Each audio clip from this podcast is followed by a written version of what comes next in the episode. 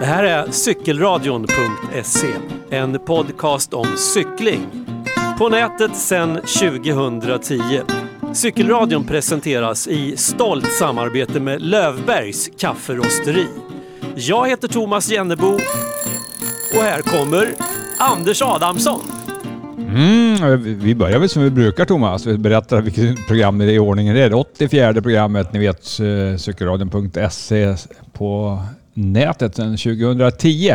Japp. Och återigen, vi kör en liten repris den här gången. Vi sänder från Norra och Motor i Örebro. Ja, men det är så trivsamt att vara här tycker jag. Ja, och då har man ju börjat. De har en kaffemaskin här också va? Som På armlängds avstånd. Ja, så att eh, vi, vi känner oss verkligen som hemma då när vi har den här kaffeapparaten här. Vad har vi på agendan idag då? Vi var ju senast vi var, då var det, då var det ju faktiskt redan Corona. Det var ju den 13 mars vi sände härifrån. Mm, då hade det precis börjat med allt det här distans distansering, mm. saker och ting sker på, via nätet eh, och digitalt och allt det här. och vi hade liksom ingen aning om hur det här skulle gestaltas och vilket tidsomfång och så vidare. Vi, och nu vet vi ju lite mer i varje fall om eh, problematiken, men det här med tider och sånt där. När blir det som vanligt igen? Eller kommer det någonsin bli som vanligt igen? Ja, det, jag tror ju personligen det kommer aldrig att bli som det har varit med någonting egentligen. Nej, tror jag, jag, tror vi kommer förändra väldigt ja, mycket det. beteende. Vi är ju en cykelaffär här då, Norra Motor i Örebro som sagt var och eh, cykelbranschen den rullar på och ganska ordentligt ändå vad vi kan förstå. Vi fick ju höra precis här för några minuter sedan bara att mm. det i princip är slut på cyklar. Ja, kan du tänka dig va? Att, så det eh, kan ju, de, vara, kan de, ju vara en positiv effekt ja, så. Men, verkligen. Alltså, de cyklar som finns i butikerna, mm. det, det är det som finns. Mm. Och svårt att få tag i det på lagen. Det kan väl vara ja. lite olika på olika märken tänker jag. Så Men attraktiva cyklar är svårt att få tag på. Så har man inte redan införskaffat en inför cykelsäsongen 2020 så kanske man får hålla till godo med kanske fjolårets modell eller någonting. Mm, så kan det vara. Jag kan ju också tänka mig att den här trenden som har varit i flera år med ökad cykling på något sätt också har fått ytterligare en skjuts nu. För tänk dig att du är korpfotbollsspelare. Va? Mamma mia! Ja, nej, men du är permitterad från jobbet. Eh, korpserien, den kommer aldrig att komma igång. Men du känner ändå att du vill röra på det. Och du har ett par gamla rullskidor Aha. i garaget. Ja, men det är klart att du kollar på en cykel. Såklart, ja. För grusgropen är inget alternativ nej, längre va? Det, det är inte det. Nej, alltså, kan tänka mig att vi hittar lite nya cyklister den vägen. Mm, det tror jag.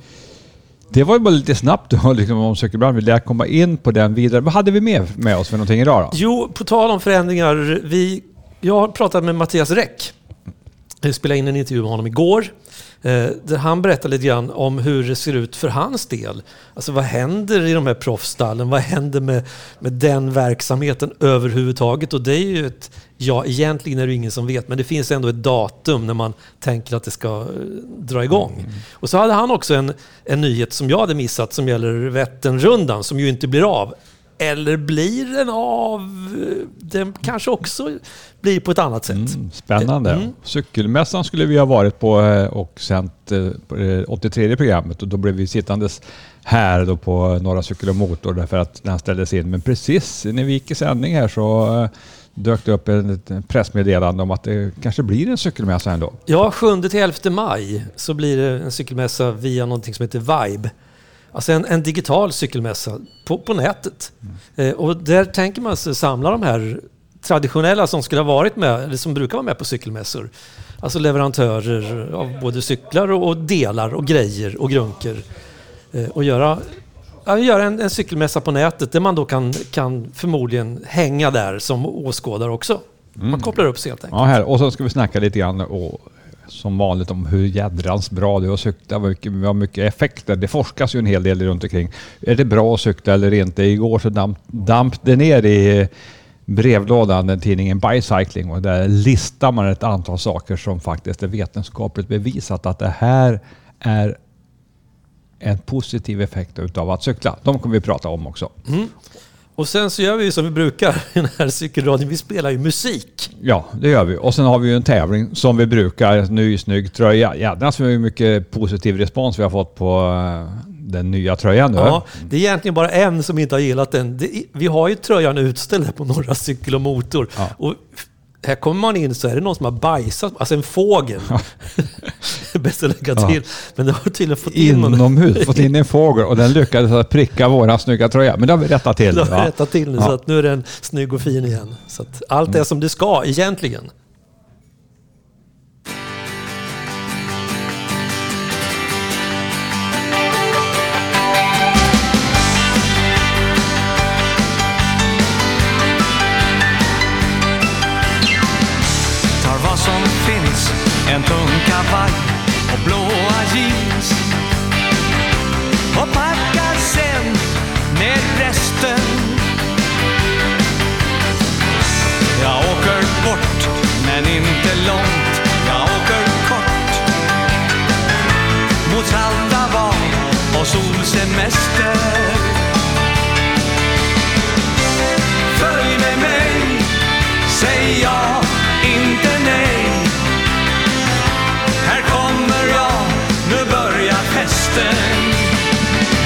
Det blir en sommar i Sverige.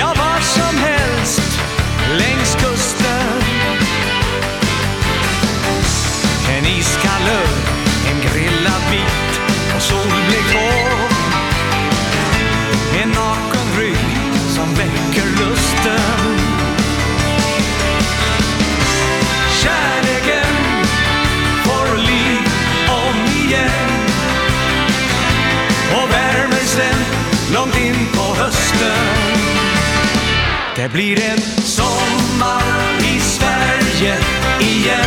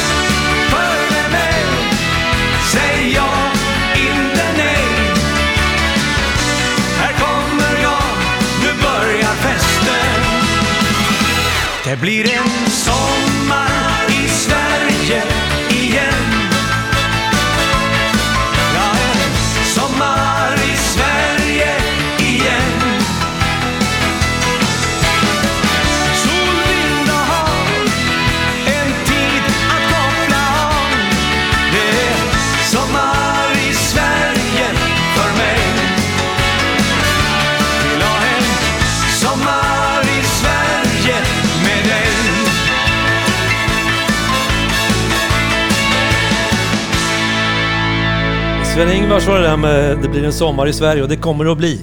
Det kommer det bli, men blir, det blir ingen sommar som det brukar vara, tänker jag. För det kommer i alla fall inte bli något Tour de France i sommar. Jag skulle ju dessutom eh, ha ju... Jag vet jag berättade om mitt projekt. Jag gick ju igång här och började träna ganska bra för jag skulle vara med på den här patrull de Glacière som jag lovade en midsommar dagsnatt eh, med ett par kompisar uppe från Stockholm och det blev ju såklart inställt. Och nu kollade jag väderappen lite grann för det var just imorgon som eh, vi spelade in det här den 28, det var 29 april som det här evenemanget skulle gå av stapeln. Vi skulle starta klockan fyra på morgonen i Arolla i Schweiz för att sen ta sig över ett antal toppar och eh, så småningom gå i mål i Verbier. Det här var ju, handlar ju om skidåkning då. Eh, uppför och utför och gå. Och väderappen sa två grader imorgon i Arolla och regn.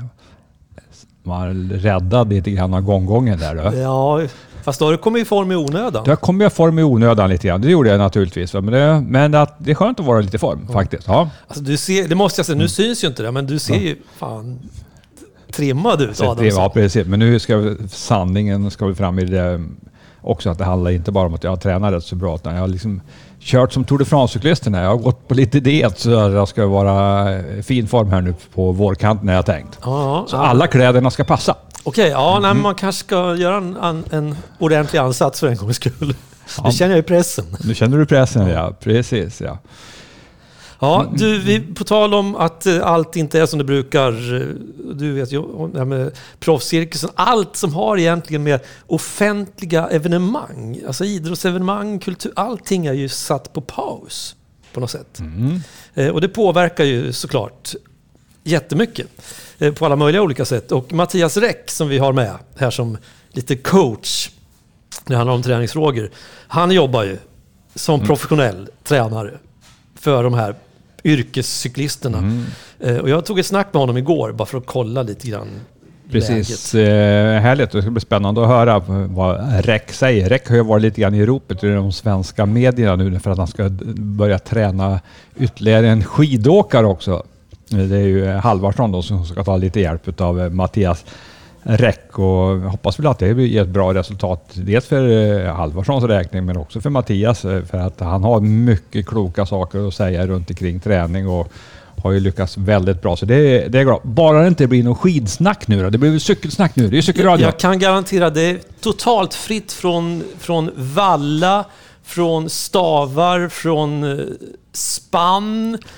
Möjligen, men det har inte med Halvarsson att göra, men möjligen att vi nämner snor någon gång.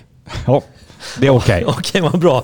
Nej, men sagt, jag, jag pratade med Mattias igår och eh, vad jag ville veta egentligen det är ju hur, hur blir det nu med allting när det inte blir som det brukar? Ja, det, det, det, det är en lika bra fråga som den är svår att besvara. Eh, när, man, när man tränar proffs, då de är så otroligt vana vid att tävla hela tiden. Det är uppemot 80 tävlingar på ett år. Och, och nu så försöker man ju alla tillsammans att helt enkelt bara hålla sig vid liv, träna på i ovisshet. Vi har ju ganska många som sitter i karantän, alltså cyklister i Italien, i Frankrike, i, i, i Spanien. Och det är mentalt ganska tufft. Dels är samhällena helt nedstängda och sen så, och sen så att jag ska försöka upprätthålla någon form av träning fast man bara får vara inne. Det är väl nu snart sex veckor. Så det, det, det är lite speciellt är det. Går det att säga någonting om hur, alltså, på vilket sätt man kan bevara en form när man inte kan ägna sig åt den sporten på samma sätt som man brukar göra? Alltså när det handlar om inomhuscykling istället för utomhuscykling. om man bara har motivation så är det inga problem att, att man kan liksom eh, både komma i bra form och hålla ganska bra form. Men det är väl just det här att träna i ovisshet under så lång tid.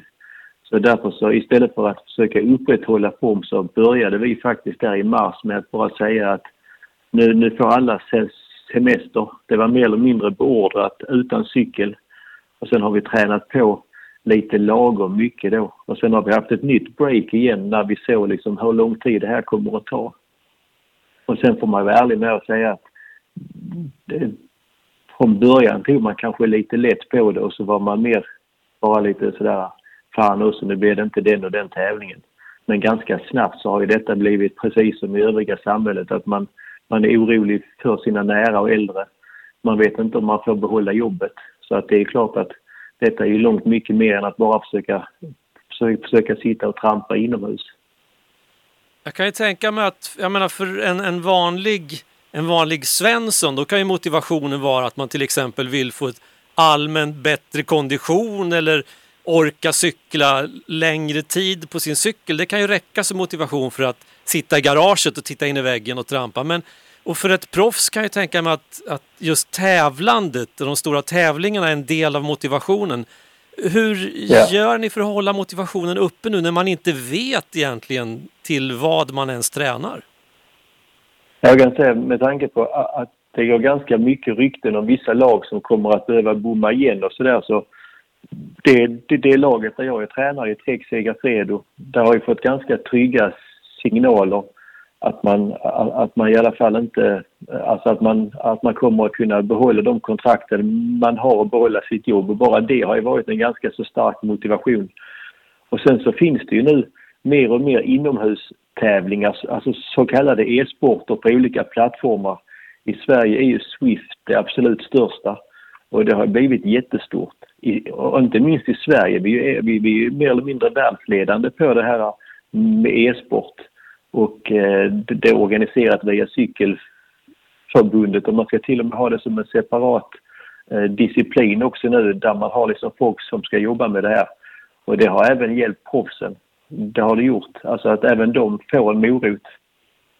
Kan man sen få cykla ute, då är det lite enklare. En vanlig motionär behöver ju inte känna att han ska liksom vänta till hösten för att då kanske kommer det tävlingar utan om det spritter i benen nu för att det är fint väder, ja men bara ut och hoja liksom.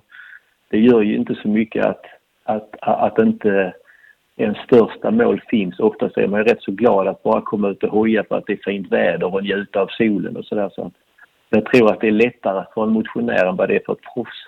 Ja, och speciellt som vi inte heller i Sverige har alltså utegångsförbud. Det är fortfarande fullt Exakt. tillåtet att, att vara ute och att cykla. Ja, så att motionärer skulle jag inte råda att ta en massa konstpauser nu när, när våren kommer. Då vill man ju snarare vara som en kossa på grönbete och bara ut och, liksom, ut och sprudla i skogen och, och ha det roligt. Precis, och då får man väl också uppmana motionärer till den här berömda snorsnytningen. Gör inte den! Nej, det, det, man ska ju vara väldigt små, eh, väldigt små grupper och det märker man ju också om vi tar till exempel Team Rynkeby, de som cyklar till, till Paris. Nu kan de inte cykla till, till Paris i år därför Barncancerfonden. Men de försöker ändå fortfarande synas och verka och sådär. Och de är ofta grupper på kanske 25-30 stycken men de har valt att gå ner på kanske 10-mannagrupper och det är också det man kan se lite runt omkring. Och det är väl rätt så smart. Och så har man olika regler. Ska du snyta dig får du göra det, det längst bak. Man delar inte mat och grejer med varandra och så vidare. Man håller lite större avstånd. Mm, det är vanlig hyfs och fason helt enkelt. Och sen tycker man ändå om att tävla med sig själv så man kan ju göra testvarv. Olika former av testvarv i mountainbike på landsväg. Det finns ju Strava. Man kan slå sig själv och sina kompisar så gott det går. Så vill man tävla går det ofta att få till någon form av tävlingsmoment också. Men den som ändå vill ha riktiga tävlingar förutom i e-sport så har man i alla fall nu sagt, satt en, någon form av preliminär plan att det kommer igång igen i augusti. Och det gäller både liksom på svensk nivå med ett SM men också UCI med internationella tävlingar. Att man hoppas att det, ska, att det ska kunna dra igång i augusti. Sen får man väl ändå vara ganska så alltså, pessimistisk till det. Det räcker ju att det här med corona, att det finns ett eller ett par fall i eh, en tänkt proffsklunga i augusti så kanske det ställer allting på ända igen. Men man hoppas i alla fall att det ska kunna gå igång i, eh, i augusti igen. Och vi, vi, vi får väl hoppas det. Om nu de planerna går i lås och det blir som det är tänkt så kan det bli en fantastisk häftig höst egentligen. Då kommer det att bli en, en väldigt speciell och häftig höst. Och jag vet, jag har hört vissa säga så här, kommentera att men gud, varför, det går inte att vara ifrån på alla de här tävlingarna och hur ska man kunna ha bästa laget på allt detta? Och, men det kan jag säga att det är underordnat de möten som man har haft med de flesta proffslagen och så. Här handlar det bara om att liksom, rädda sporten och, och överlevnad. Så det kan mycket väl bli så att flera stora tävlingar kommer att gå väldigt nära eller överlappa varandra. Och det får man ta det här året. Det går liksom inte att tänka att vad är det bästa för att alla ska vara i form, vara i form precis när de kan. Det kan ju till och med bli så att vissa tävlingar som är stora, det kanske är så att vissa länder på grund av restriktioner inte får komma till dem. Alltså att det kanske är, låt oss säga att, att en italienare inte får åka till Tyskland och tävla eller tvärtom. Och då får man ta det. Det går liksom inte att göra helt rättvist. Utan det handlar bara om att försöka få sporten och alla sponsorer och partners att överleva. Ja, det är i sanningen en märklig tid som vi, som vi lever i just nu och Oavsett, ja, det det. oavsett hur det blir i den närmaste framtiden så är ju det här någonting som alla vi som är med om det här just nu, vi kommer ju att minnas det här för resten av våra liv helt enkelt. Ja, precis. Jo, det, det kommer det verkligen. Alltså, det kommer att dugga så tätt med stora tävlingar, om det nu går att genomföra. Och de kommer att göras vid en tidpunkt där de aldrig har gjort innan.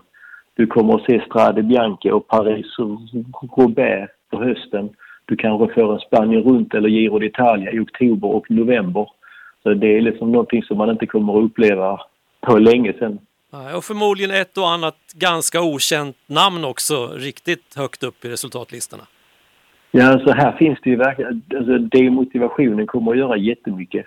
Vem orkar liksom eh, hänga i och hålla ut och sen tävla så länge? Det är helt rätt.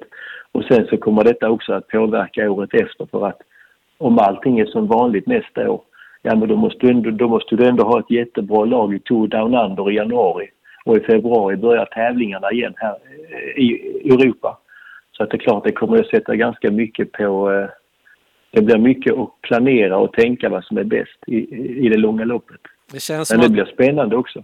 det känns som att de logistikansvariga, de här olika lagen, har en del att göra framöver.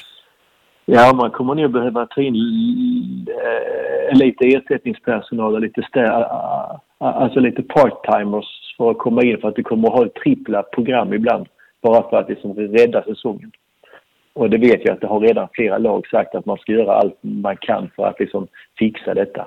Och man kan ju också göra så att man att det är okej att ha färre cyklister till start. Det går kanske inte att kräva att det ska vara sju, åtta man på alla tävlingar. Om det är så alltså att det är bättre att man liksom lyckas göra alla tävlingar än att tacka nej för att man har för lite cyklister.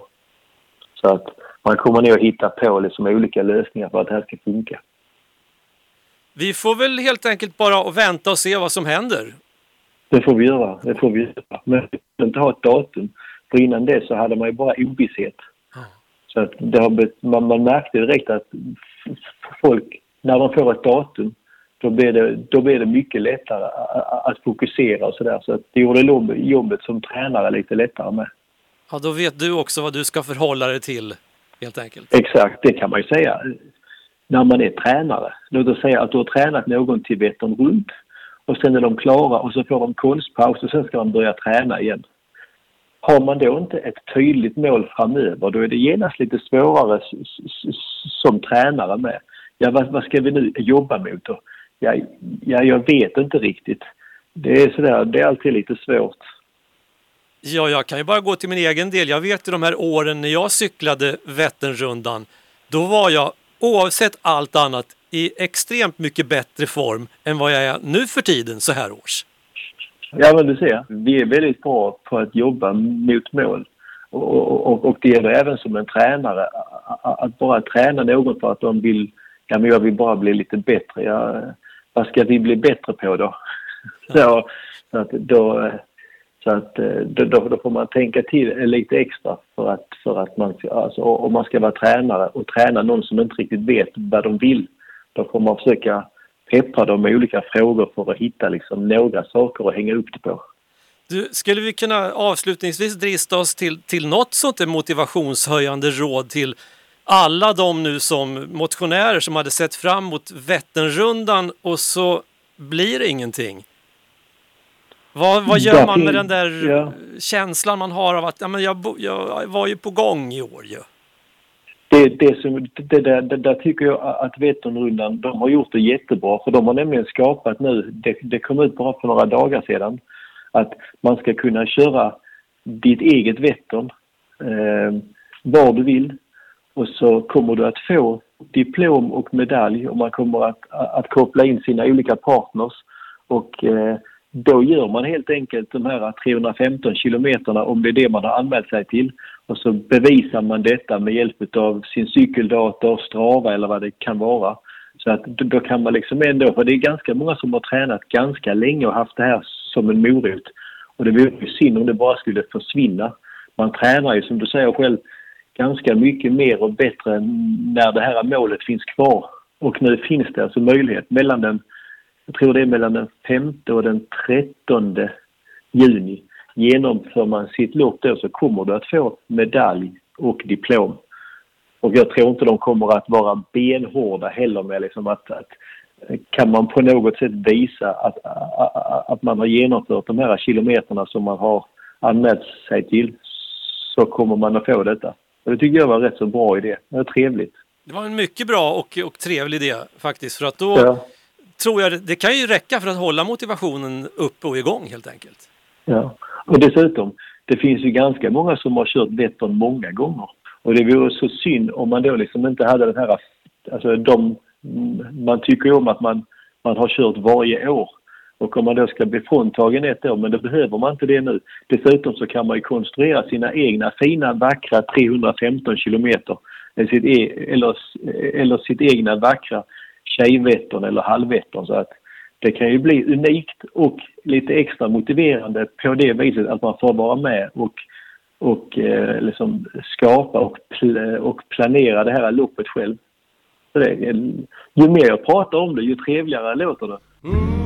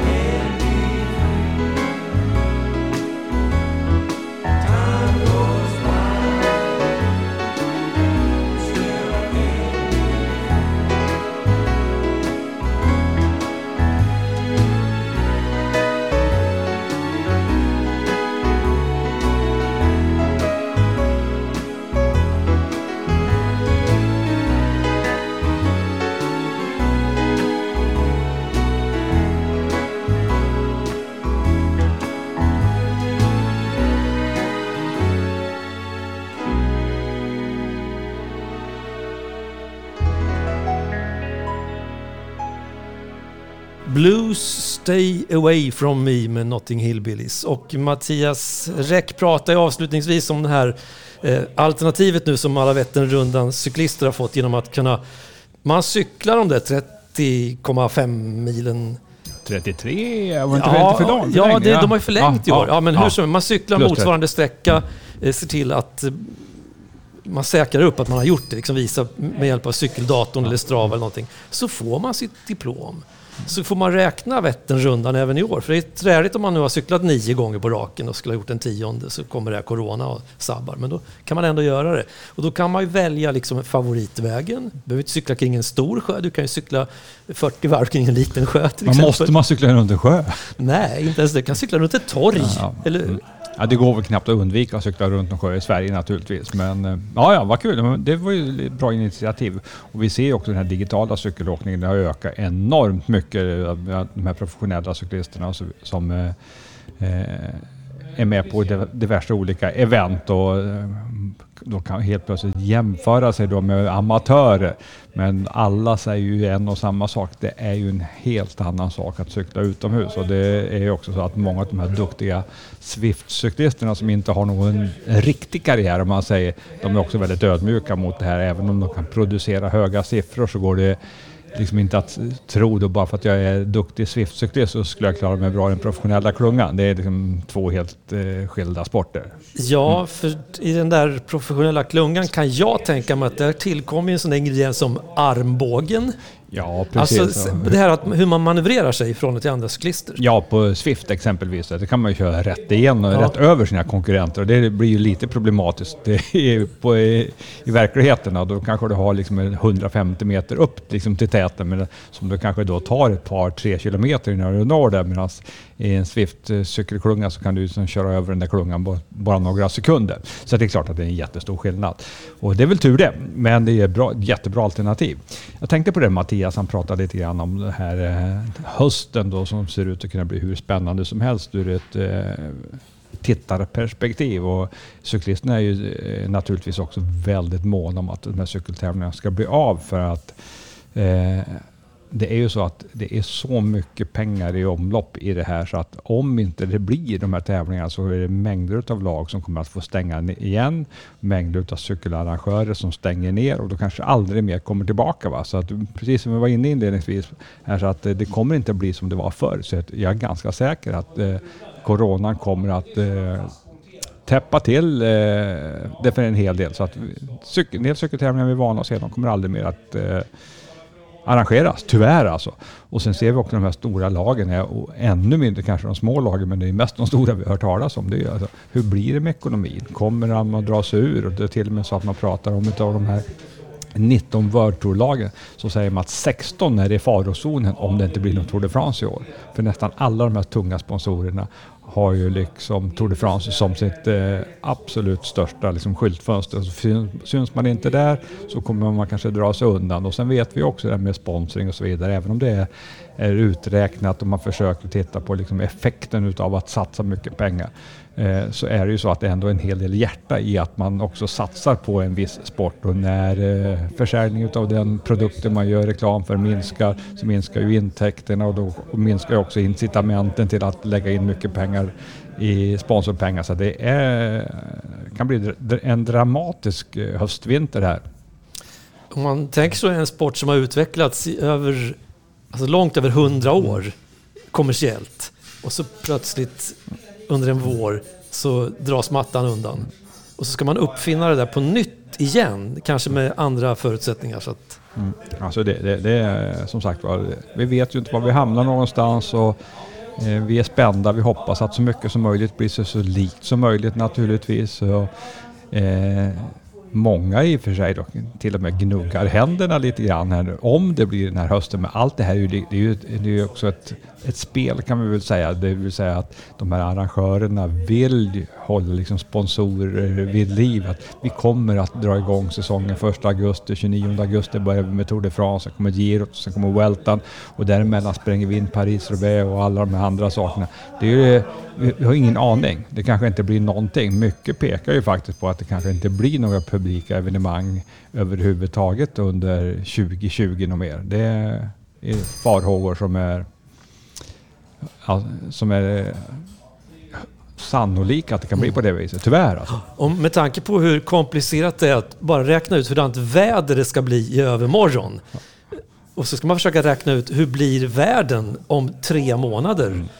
I ett, utifrån ett scenario som ingen har upplevt tidigare. Så Nej, att, så att det, det är besvärande naturligtvis. Men det vi vet i varje fall, det är ju att, liksom, att cykla, det är hur bra som helst, vad, hur man än vrider Ja. och vänder på det. Och vi får ju stryk det här och nu börjar man ju öppna upp i de andra delar utav världen också, att man faktiskt kan börja cykla. Och eh, då finns det ju här, jag läste det senaste numret som jag sa inledningsvis, här är bicycling, liksom med många saker som är, är bra. Det forskas ju en hel del på eh, olika sätt. Och nu vet inte jag hur, bara för att det är forskare som har forskat, om det är allmängiltigt till, till 100 procent. Det kan man ju eh, ibland fundera på för att det är rätt som det så kommer ikapp någon annan forskare som säger någonting helt annat. De har ju varit med om i många sammanhang tidigare. Men det, hur som helst så kan man läsa i det senaste numret här om att man får en bättre hjärna. Och en bättre hjärna med högre kapacitet naturligtvis. Det är en snabbare återhämtning, det visste vi ju redan sedan gammalt. Det, men att man får ett bättre hjärta, det är också nästan enkla saker att hålla reda på. Du blir sexigare Thomas om du cyklar mycket. Har, du, har du cyklat mycket på länge? nej, det är väl det som är problemet kanske.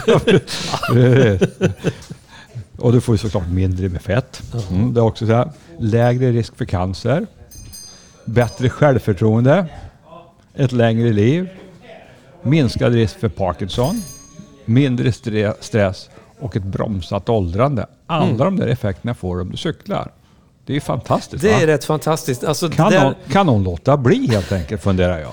Nej, alltså det, det känns som att cykling borde ju ordineras på recept, jag på säga. Ja, och, och vi ser ju också liksom att det, det är sånt som vi har sett tidigare, att man pratar väldigt mycket om liksom motion, alltså på, som ordination istället för liksom tabletter, eh, kirurgi eller vad det nu kan vara. Att man mår bättre av att motionera. Det här är ju inget konstigt egentligen. Och cykel är, är ju den formen som kanske är den allra bästa. Det vill säga om man är, kommer upp lite grann i åren i varje fall så är det ju ganska enkelt. Det smörjer bra i lederna och det är inga stötar och sånt vidare. Så det, det är bra. Det är väldigt bra. Det är väl egentligen just det där med att inga stötar då. Mm. Man kanske får komplettera med en, en och annan eh, våldsam promenad upp eller ner för en trappa för att få lite stötar för att hålla bentätheten intakt. Men annars är det ju bara fördelar med att cykla. Ja, det finns ingenting annat än att cykla ännu mera då. Nej, dessutom är det roligt. Det Mm. sa inte rapporten någonting om. Det sa ingenting om att det var roligt att cykla. Det är konstigt va? Det är jättekonstigt. Och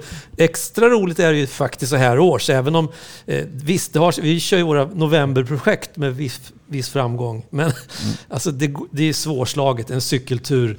Speciellt så här i början på maj. Det är ljusgrönt. Eh, glada kossor står och tittar efter en när man kommer på vägarna. Alltså det är ju något speciellt. Det, det minskar ju stressen enormt mycket. Stress är ju liksom en av farsoterna kan vi nästan säga i det moderna samhället. Men just den här studien som eh, pu- publicerats i Lancet säger ju att eh, cyklister hade 21,6 procent färre dagar med dåligt mående jämfört med de som inte cyklar. Mm. Det är bra. Det är bra, det är Ja. väldigt bra. Så att det är häftigt. Och trots det, liksom, fast trots då liksom att man kanske också cyklar ensam så upplever man det här. Annars är det också det här med den sociala miljön är ju väldigt viktig då tänker jag liksom att lagsporter. De låg lite faktiskt bättre. Eh, de var på 22,3 procent eh, färre, färre dagar med eh, dåligt mående och cyklister då med 21,6. Men eh, hur många har möjlighet att hålla på med en lagsport? Framförallt inte när man kanske är 58. Då är det Nej, liksom- då är det ju svårare. då är det svårare. Så då är det be- betydligt enklare att cykla. Ja, absolut. Eh, vi ska köra en låt. Mm. Sen ska jag... Jag har varit på gång i flera avsnitt och outa mitt projekt. Ja, det måste du göra. Som jag inte har gjort. Jag känner om jag inte outar det kommer det inte att bli av.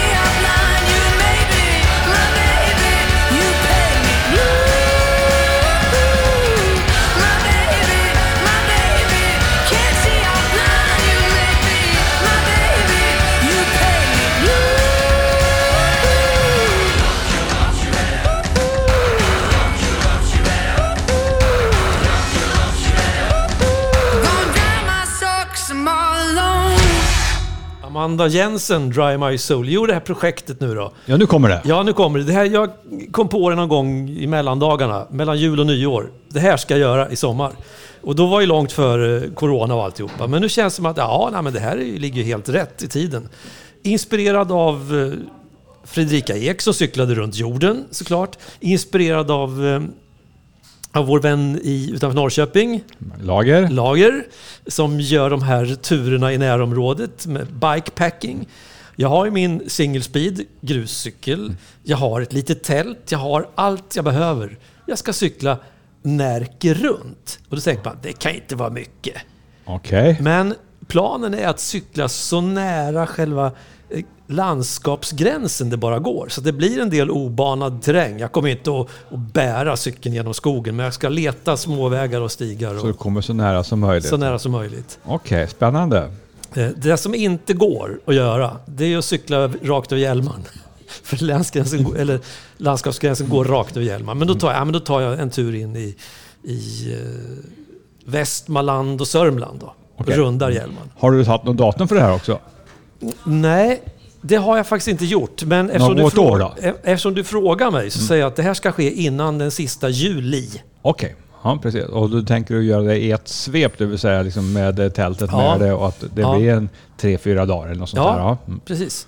Spännande. Ja, men det är lite roligt och det, det intressanta är ju, var hittar man en landskapsgräns nu för tiden? Det är inte helt enkelt. Jag har kollat alla sådana här kartappar och kartböcker. Alltså landskapsgräns, det är inget som används. Nej, det gör ju inte det. Har jag vet inte om jag har berättat här om mitt projekt som jag håller på med. Jag, besti- eh, jag gick igång på med toppar lite Ja. grann. Så jag håller, jag håller på att försöka beta av den högsta toppen i varje landskap. Jag har lyckats hittills att klara av Närke. Okej. Så jag har 24 kvar. Ja, är det Tomasboda eller vad är det både ja. Mm. höjde 298 meter över havet. Men det, var det är samma sak där lite grann. Att vad är, är landskap och vad är län? Ja. Så att, eh, att bestiga högsta toppen i varje län, det är säkert 10 toppar då som försvinner bort från det här att, i landskapen. Då. Ja, men visst. Så att, men jag, kör landskapen där. Ja, ja men det är bra. Nej, för att jag hittade någon sajt på, på nätet, sådana här kartentusiaster, Mm. som har lagt ut landskapsgränser på någon sida. Så kan man liksom... Okej, spännande. Ja. Så att det kan vi rapportera om, eller kan jag rapportera om sen. Hur det var att cykla runt Närke. Det, det, jag kanske kan hänga på alltså. varför inte? Jag blir ju ar- arbetslös så, Ja. eh, imorgon. Ja, gör jag min sista arbetsdag. Och sen har jag lite semester att ta ut eh, och sen är det slut. Och ha en, för jag skulle ha jobbat på Eurosport. Det var Ja. de här stora sändningarna. Giro d'Italia, Tour de France och alla monumenten och så vidare. Som skulle ha varit min arbets halvår här och nu står det liksom det är oskrivet om det blir någonting överhuvudtaget. Så jag ser fram emot att det kan bli en höst med det här. Annars vet det tusan om eh, vad jag ska sysselsätta mig med. Och då kan jag ju hänga på på kanske på den här lite Ja. Närke-varianten. Ja, men det vore då. kul. Det vore jätteroligt. Vi har ju cyklat en gång ihop du och jag tidigare. Ja. Ja. jag såg bilder på det förresten eh, häromdagen. Jag satt och gick igenom min telefon. Det var Okej. ju på Sardinien. Det var ju då vi cyklade ihop. Ja. Vi har aldrig cyklat ihop i Sverige. säga. Det har vi inte. Nej. Ja, men då är det väl hög tid att vi gör det nu då, i sommar. Ja, få till någonting där. Ja, En bit eller hela vägen, vem vet? ja vem vet. Mm. Det, det är ett oskrivet blad än så länge. Men som med alla sådana här projekt, om man inte berättar om dem så blir de ju aldrig av. Mm. Nej, så nu kan de helt enkelt bli av då. Ja. Ja. Så nu går det inte att backa. Ja, vad har vi kvar för någonting här Thomas? Vi har varit igång i en 43-44 minuter. Ja, vi brukar någon- landa runt en eh, timme. Vi har en låt kvar ser jag där. I, ja, till och med två om vi skulle vilja det va. Men vi kör nog bara en låt. Och sen har vi dessutom våran eh, lyssnartävling. Frågan är om vi ska titta på dig lite grann. Om vi ska dra den nu eller ska vi ta en låt det? vi kör en låt Ja, så, tar vi, så tar vi lyssnartävlingen helt enkelt.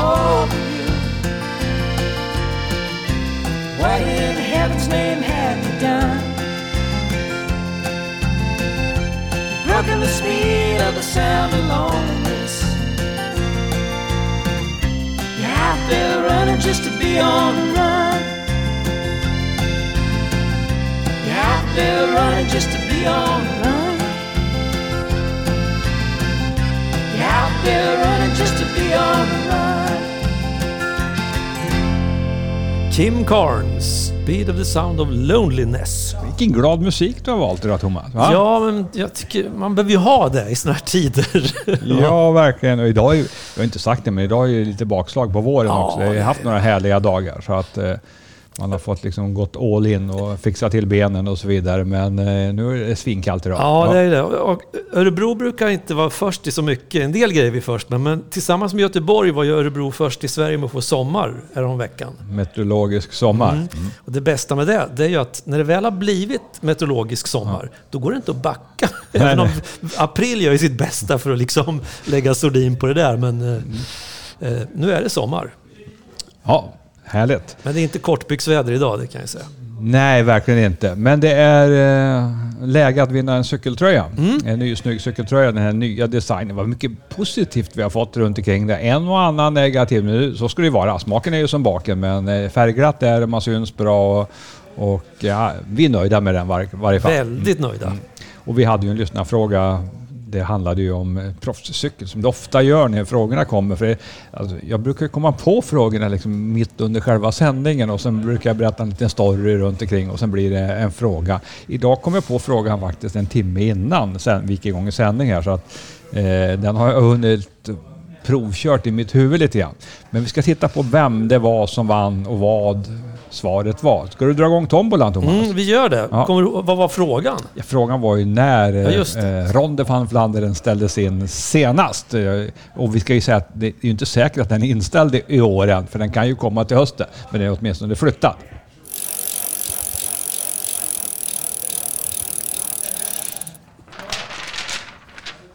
Och tombolan har stannat och eh, Peter Strandberg, eh, har han skrivit något svar förresten?